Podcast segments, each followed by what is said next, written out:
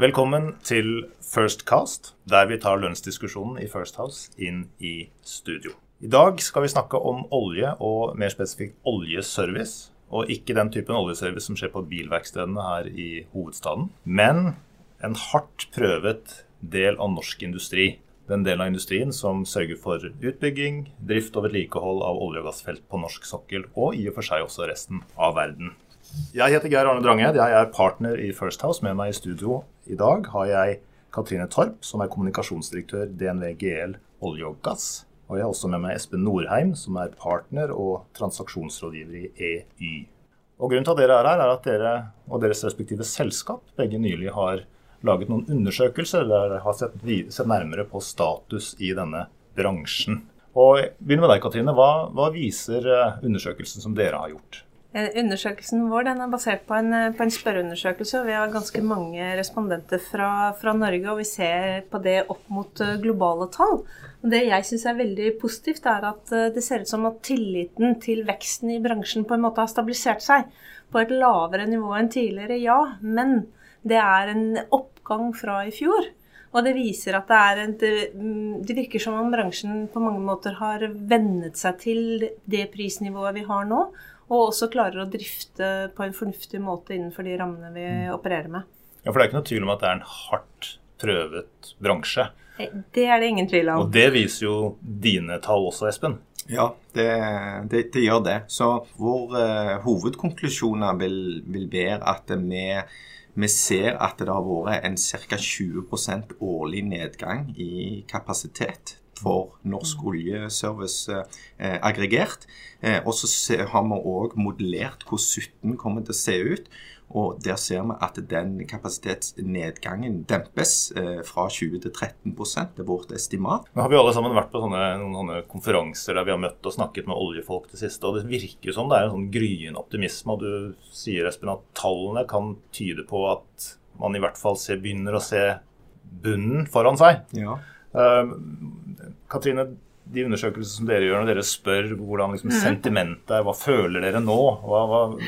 Svaret på hva føler dere nå? Ja. Eh, bare ta en liten kvalifisering. Da. Vi har en liten overvekt på oppstrømsselskaper og også operatører i, i vår undersøkelse. ja, så det er de har... selskapene som er på en måte, de, som, de oljeselskapene, mm. ikke sant? Ja. Kundene til oljeservice? Kundene til oljeservice. Og det er jo gode nyheter for oljeservice også hvis kundene begynner å, å, å se litt lysere på fremtiden. Eh, det som er litt morsomt når du stiller eh, sentimentspørsmål, er at alle har større tillit til eget selskap enn til bransjen generelt. Og, og det ser man egentlig konsekvent over år. Ja. det positive er at, at tilliten til å nå egne revenue targets og, og profit targets mm. er, er, på vei oppover. Ja. Sånn at vi nå har nærmere halvparten tror faktisk at de vil nå de budsjettene de har lagt uh, for, for, 2017. Mm. Um, og det var et mye høyere tall enn det vi hadde i fjor. Og også på investeringer så ser vi at det er en oppgang i antall som tror de skal investere mer til neste år enn det de gjorde i fjor. Eh, hva med oppsigelser, fortsatt nedbemanning? Hva, det er ting vi har overskrifter vi har levd med nå i flere år. Eh, ja, det er, jo, det er nok ikke sikkert at de overskriftene kommer til å forsvinne fullstendig, men det er eh, som kostnadsstrategi så har reduksjon av arbeidsstokken sunket med hele 15 i, i vår undersøkelse. Det syns jeg også er veldig positivt, og, og selskapene ser heller på å restrukturere, kutte OPEX, men, men, på et mer strategisk og langsiktig nivå enn bare å kutte antall hoder. Så det du sier er at man faktisk ser tegn til at man har kuttet kostnader, og at de kostnadsreduksjonene kan vare? Ja, absolutt. Mm, så det er en strukturell endring i hvordan selskapene er skrudd sammen? Helt sånn klart. Mm. Og det er også en stor forventning om, om økt eh, konsolidering og merge and acquisitions uh, i, i, året som kommer, enn det det har vært tidligere år. Så man forventer å se altså, strukturendringer også. Ja, og det har vi jo sett ganske nylig mm. også. Og det siste året så har det jo vært mange eksempler på selskaper som har funnet sammen, selskaper som har blitt kjøpt opp. Og vi har sett det er jo ikke bare gjeld og obligasjonseiere som sirkler rundt bransjen, men nå har jo også Eh, egenkapitalen og aksjonærene kommet tilbake. Mm. Mm. Er det noe som vi tror kommer til å fortsette inn i 2017 og framover? Ja. Og det, det, har jo pågått det har jo pågått gjennom hele syklusen. Hvis vi ser på den topptier, altså du ser de internasjonale storaktørene, så er jo de tidlig ute med den, med den strukturelle De leser jo sine kunder og, og, og, skjønner hva de ønsker. De ønsker effektiviseringsoptimalisering, og da må du ta den type grep. Og vi ser jo at de gjerne i særdeleshet går i vertikalen. Sånn. Hva betyr det? Altså Hvis vi tar et eksempel. Eh, hvis vi tar eh, Subsea, så hadde du da tre-fire eh, store aktører som da delte det markedet globalt mellom seg. Eh, og så hadde du, Hvis du går ned i brønnen, så hadde du tre-fire globale aktører som da delte 90% av det markedet mellom seg. Nå ser vi jo eh, en klassisk at, at de, eh, de slår seg sammen. Fordi at det, det, er jo ikke noe logikk i at en, et selskap skal stoppe akkurat når uh, havbunnen kommer, og så skal et nytt selskap komme. At du integrerer, bruker samme styringssystemer. Du, altså, du er på samme digitale plattform fra egentlig der uh, nede i reservoaret og helt opp til, til du er eksportklar med med produktene råolje og eller gass. Dette er en type endringer som man stadig ser, og som man også er, opplever at mange er litt bekymret for? Altså Når Man sitter i en bedrift, man blir oppkjøpt eller fusjonert, så er liksom usikkerheten rår. Men er det, er det grunn til det?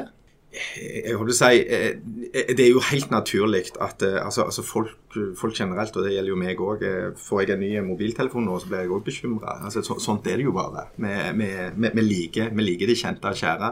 Eh, hvis du ser historisk på eh, oppkjøp, og gjerne spesielt fra utlandet, på, på norsk teknologi og norske, norsk oljeserviceselskap, så, så, så, vil jeg jo si at, det, at de har jo skjønt at eh, dette er smarte eh, butikker. Mm. Og de smarte folkene de bor i Norge og liker å gå på ski. Og, og eh, det er ingen grunn til at du skal flytte på det. Snarere tvert imot. at De har gjerne, de har gjerne ytterligere investert i de basene og de fasilitetene som de har nå. En annen ting som eh, vi, vi har sett i vår, da, er at ca. halvparten av respondentene tror at de vil diversifisere utenfor olje og gass. Og, og ca. en fjerdedel sier at de vil gå inn i fornybar energi. Og mange tror at det er en langsiktig strategisk skifte. Ser dere noe av det i de tallene dere har eh, hentet? Ja, altså eh, Igjen så tror jeg det er viktig med å holde forskjellen mellom operatører, altså olje- og gasselskapene, og leverandørkjeden. Eh, men, men det er, er, ingen tvil om at etter en såpass kraftig eh, makrokorreksjon mm. for markedet, så er det fullt fokus på risikoprofilen på virksomhetene. Ja. Mm. Da, da, er det om å gjøre å finne eh, eh, mekanikker og strategier som demper den sårbarheten som kontantstrømmene har mm. i, i, en, i, et syk, syklisk basert industri, og gjerne med et smalt leveransespekter og gjerne mot noen store kunder. Og Det er jo klassisk de tingene vi, vi ser på når vi er i due diligence-faser og er med mm. selskaper og kjøper på andre selskaper, at vi ser på risikoprofilen i kontantstrømmene. Og Det er helt normalt at uh, styrene setter seg ned og tar en ny gjennomgang av risikoprofilen mm. til selskapene og måler det mot fremtidig forventa avkastning, mm. og sier at dette henger sammen. Så, mm. så dette, dette, henger sammen med, mm. med, eh, praksis. Men Det er vel også sånn at mange av selskapene som nå har vært gjennom eller har levd med omstilling og, og reduksjoner i olje- og gassbransjen over tid, de søker seg til andre bransjer. og jeg tror, Katrine, hos din undersøkelse så er det mange som peker på fornybar som ja. noe som er verdt å, å satse på. Det er ca. en fjerdedel som peker på mm. fornybar og som ser på muligheter på det. Og de ser det på ut ifra to aspekter. Både diversifisering og å gjøre kontantstrømmen mer robust, men også fordi de ønsker å ta en posisjon mer langsiktig mm. og, og være mer bærekraftig. Ja, jeg tenker Vi alle sammen, eh, vi har jo vært i denne bransjen alle, alle oss tre eh, en stund. Og vi kjenner jo alle noen som har jobbet i olje- og gassbransjen, som nå jobber innenfor solenergi mm. eller vind, eller på annen måte mm. har beveget seg inn i fornybar. Så det mm. er jo bare et bevis på, tenker jeg, at denne kunnskapen som bransjen har, også er på en måte, på en måte fornybar. For den kan brukes i andre bransjer også. Mm. Absolutt. Mm. Og det, det, er morsomt også å se på vindmøller til havs uh, som man kan bruke inn i oljeproduksjonen. Uh, for å gjøre enkelte operasjoner man, hvor man ikke trenger jevn tilførsel av, av, energi. Og så er elektroingeniøren på den andre siden av bordet bare ikke helt enig i alt det. jo, jeg, jeg, altså jeg, jeg, jeg skal ikke krangle med milliardbudsjetter. Og vi ser at det er en vi ser at det er en, en, en, en betydelig kapitaltilvekst i fornybar, og da gjerne særdeleshet vind. Jeg er nok, heller nok mer mot at jeg, jeg ser rasjonale og, og det fantastiske med sol, som jeg ikke ser med vind. Det, det, det, skal jeg innrømme. Altså, hvis du skal ta og, og, konvertere den energien som olje og gass leverer i, i, i, i den globale sammenhengen med, med, med vind, så blir det styggmye eh, vindmøller. Mm. Eh, og de står tett og, rundt, rundt, rundt, hele jordkloden. Så jeg, jeg, jeg, ser at sol vil på sikt ta energidelen av olje og gass. Det, det, det fremstår hos meg som ganske naturlig. Eh, I særdeleshet pga. at det er solid state. Det er ingen bevegelige mm. deler. Det er veldig veldig billig eh, operasjonelt. Du skal bare vaske dem sånn at de eh, fungerer. Eh, og så ser jeg eh, og så ser jeg at de er anvendelige. De kan legges inn i bygningsmateriale. Kan, du, kan gjøre, du kan få to ting for én. Med, med, den type teknologi. Så. så. at det er en skift, gradvis skift i retning av fornybar, er vel ingen rundt bordet her som er uenig i. Men tallene viser jo også, i hvert fall hvis man skal tro dine framskrivninger, eh, Espen, at investeringene i olje og gass og uh, uh, mulighetene for denne oljeservicenæringen de er fortsatt store eh, i et mellomlangt perspektiv. Ja, altså Investeringene på norsk kontinentalsokkel er på 150 milliarder i 2017. Eh, og det, det er ingen, det er ingen landbaserte investeringer i, i Nord-Europa som jeg vet om som kan måle seg med det. Jeg tror vi skal erkjenne at 90% av energimiksen globalt er, ikke fornybart. Da tar jeg med Eh, da trenger vi nukler. for verken plutonium eller uranium er fornybart. Mm. Eh, som er brenselet inn inn til, den type energiproduksjon. Eh, det er et gigantisk system som fortsatt mottar store investeringer. Så Samtidig så ser vi at vi bygger ut et spektakulært nytt oljefelt som heter Johan Sverdrup, mm. med et, i alle fall et 40-50 års livsperspektiv. Så jeg, jeg, finner det helt åpenbart at vi kan uh, uttrykke uh, at vi skal leve lenge av olje og gass i, i, dette landet. Og så er det det at oljen skal jo brukes til eh, bedre ting holdt jeg på å si, enn, enn å, å, å, være et drivstoff. Det, jo, det, brukes jo i nesten alt vi omgjør oss med. Plast uh, og osv. Og, og, og du mm. har veldig mange andre energikilder, da, som sol. Jeg er enig i det, men du kan også bruke vind inn som en energikilde enkelte steder. Ja, Det er nesten sånn at det er forferdelig at vi skal brenne denne oljen. For den kan jo brukes til så mye annet eh, fint. Jeg tror eh, vi konkluderer med at dette er en bransje som det er all mulig grunn til å følge nøye med på.